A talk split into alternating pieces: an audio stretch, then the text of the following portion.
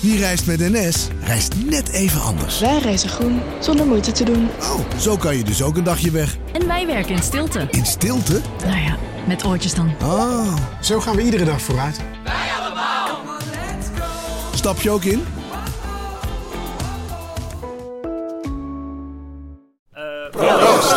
Jongens, proost hè.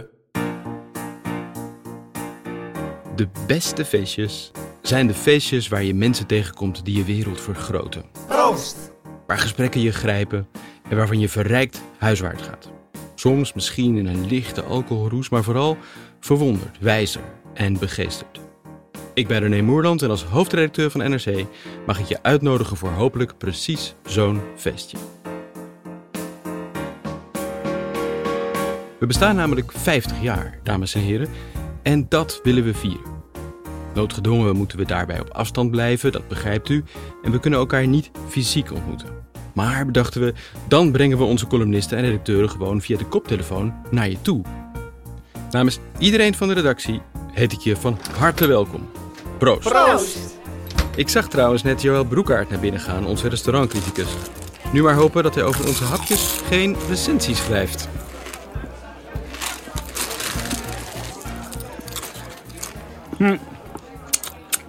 Chips op een feestje, dat is een beetje ouderwets, een beetje ordinair, een beetje agnebisch. Waarom niet een nootje of een beetje rauwkost? Toch wil ik deze feestelijke aangelegenheid aangrijpen om met jullie chips te gaan eten. Om de chips in het zonnetje te zetten. Om de chips de aandacht te geven die ze verdienen.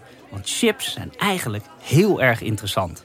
Sterker nog, chips zijn eigenlijk de hele reden dat ik nu doe wat ik doe dat ik restaurantrecensent voor NRC ben, dat ik programma's over eten maak, dat ik mezelf culinair journalist noem.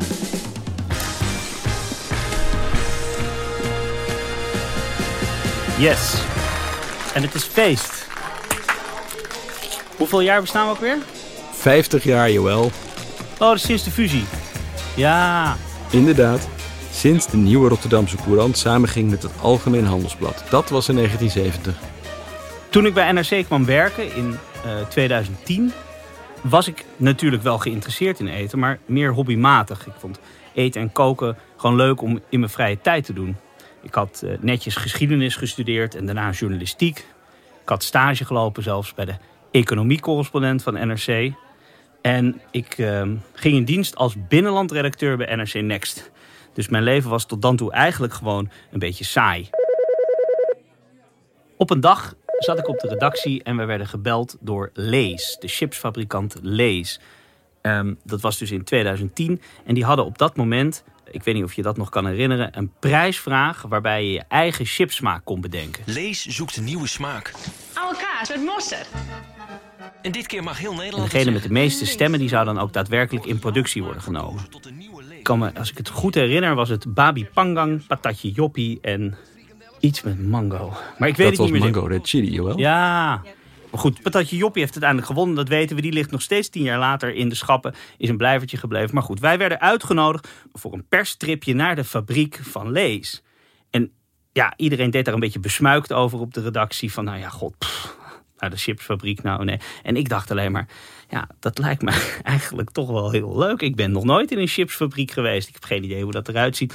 Dus ik vroeg aan de chef of dat oké was. Of ik dat op mijn vrije schrijfdag daar naartoe mocht. En dat was zo. Ehm, dus ik kwam aan, ergens in Noord-Holland, in de chipsfabriek. En ontmoette daar enige collega's van Donald Duck en de Kids Week.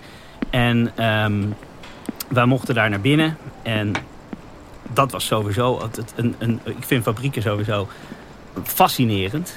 Dus, ehm, je moet je voorstellen, de aardappels komen binnen, worden gewassen en geschild. En dan zijn er dus drie productielijnen. Dus eigenlijk drie banden waarop die aardappels binnenkomen. En sommige aardappels zijn te groot om door de machine te gaan die ze in flinterdunne plakjes snijdt. Dus de te grote aardappels moeten door midden gesneden worden. Dat, dat kan automatisch. Op dat moment waren er twee productielijnen al volledig geautomatiseerd. Dus dat betekent dat er in het midden, tussen twee machines die precies hetzelfde deden als hij, één jongen helemaal alleen in een wit pak met zo'n netje op zijn hoofd. Die stond te te grote aardappels op productielijn 2 door midden te snijden. Terwijl het bij 1 en 3 al automatisch ging. Dat vond ik ontzettend zielig eigenlijk om te zien.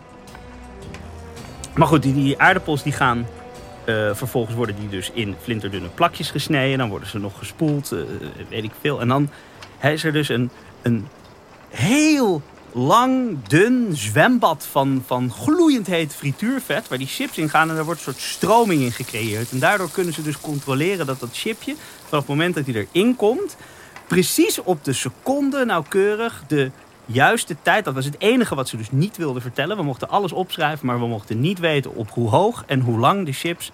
en volgens mij ook het aardappelras niet. Maar goed, die chips gaan dus door dat zwembad van, van heet frituurvetten... precies zo lang als nodig is om ze de juiste garing en de juiste goudgele kleur mee te krijgen. Dan vallen ze uit dat bad eigenlijk. Ze drijven natuurlijk in dat vet. Dan worden ze droog geblazen. En dan komen ze op een schutband terecht. En dan, zodat, er, zodat er over een, een hele grote lopende band eigenlijk overal maar één chipje ligt. Zodat ze niet op elkaar liggen. Ze worden helemaal uit elkaar geschud. Want ze gaan vervolgens onder een röntgenapparaat door. Ieder chipje wat in een zak.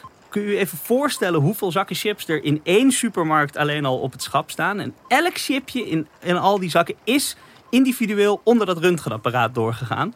En dat röntgenapparaat dat, dat kijkt, dat meet eigenlijk of er geen gaatjes in zitten of geen zwarte plekken. En als die detecteert dat dat wel is, dan zit er aan de zijkant van die band ik vind het nog steeds, na tien jaar lang, nog steeds eigenlijk bijna niet te geloven. zit een klein persluchtkanonnetje. En die schiet zo pieuw, precies dat ene chipje van de band.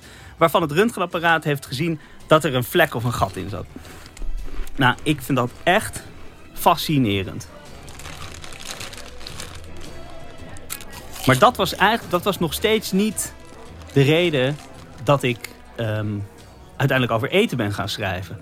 Want nadat we die hele tour door de fabriek gedaan hebben, werden we in een zaaltje ontvangen en was daar een meneer, ik weet niet meer wat zijn functie precies was, ehm, die werkte bij een van de allergrootste aroma- en parfumproducenten van de wereld. Heel groot multinational bedrijf. En die maken dus de smaak van die chips.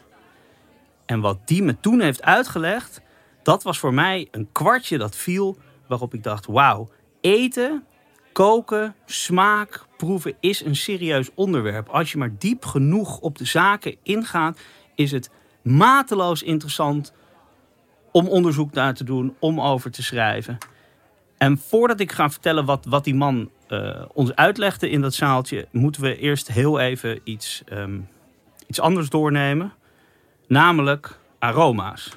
De smaak van iets, een chipje of een appel of een kop koffie, wordt eigenlijk, hè, wat wij ervaren als smaak, als we zeggen wij proeven koffie, wat we dan ervaren bestaat eigenlijk uit twee dingen. Je hebt de basissmaken die je in je mond proeft. Dat zijn er vijf. Dat is zoet, zuur, zout, bitter en umami. En meer dan dat is het eigenlijk niet.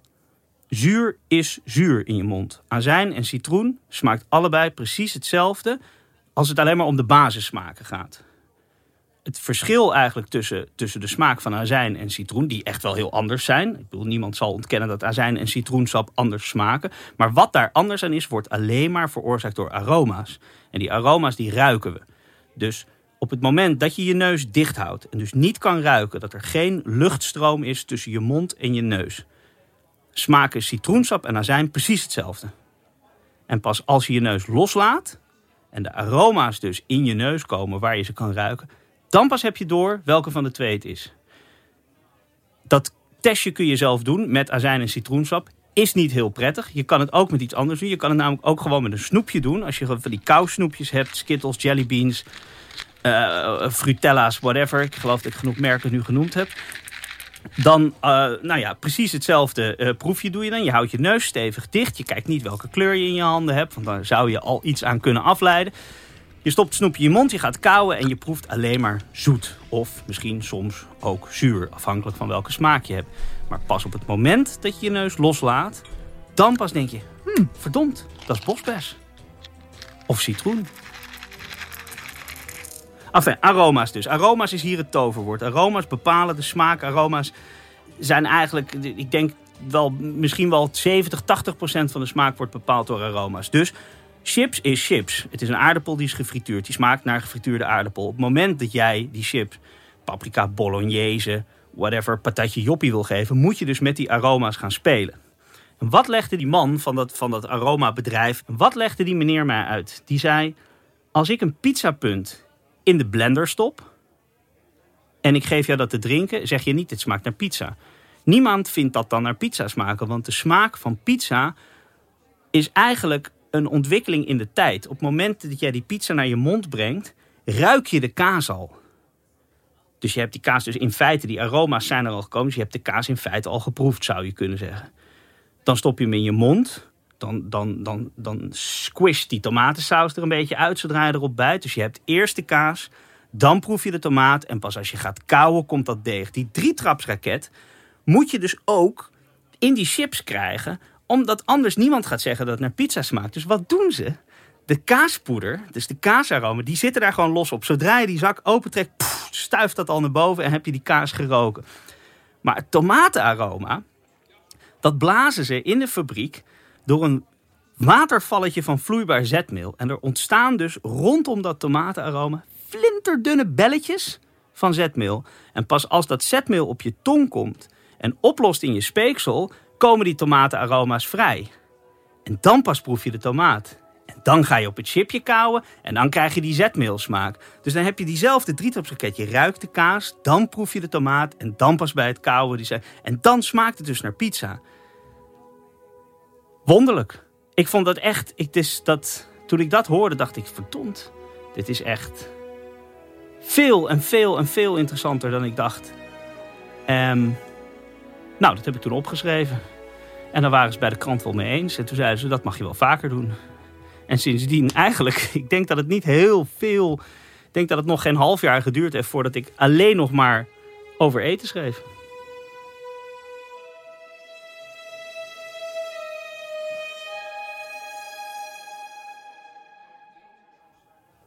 Ja, en nou zal ik nog wat leuks vertellen.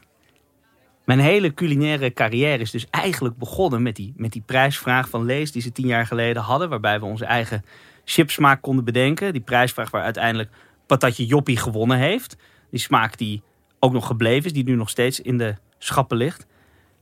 Maar ik heb tot op de dag van vandaag nog nooit Patatje Joppie chips gegeten. Ik weet dus eigenlijk helemaal niet hoe dat smaakt. Sterker nog, ik heb nog niet eens, ik heb volgens mij nog niet eens een patatje joppie überhaupt ooit. Nou goed, doet er niet toe. Ik ga dus nu voor het eerst, dit is de primeur, dit wordt mijn allereerste chipje patatje joppie. Doe het zakje open. Ik ruik eraan. Holy shit. Ehm, dat is best heftig. Mijn eerste associatie is curry. De goedkope curry. Van die currysaus uit een pakje. En het ruikt een beetje zuur. Daar gaat hij.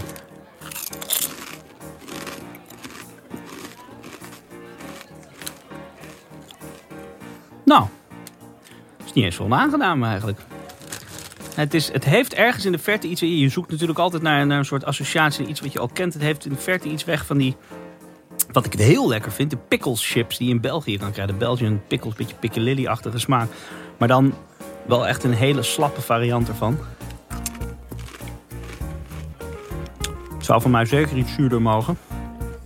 Curry is natuurlijk eigenlijk helemaal geen hele rare combinatie met aardappelchips. Maar er zit wel ergens iets, iets zoetigs in, wat het een beetje wee maakt. Nou, there you have it. Patatje joppie. Ik neem er nog een.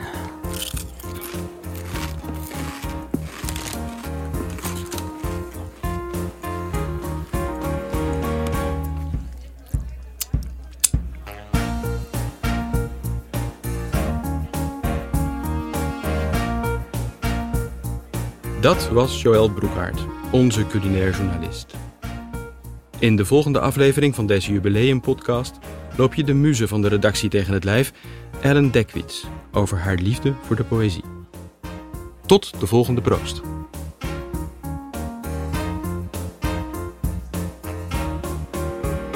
Aan deze aflevering van NRC Proost werkte mee tekst Joël Broekaert, presentatie René Moerland, concept en productie door Marion Op de Woerd, regie en montage door Eliane Meijer en eindmix Arno Peters. Chef van de audioredactie is Anne Moraal.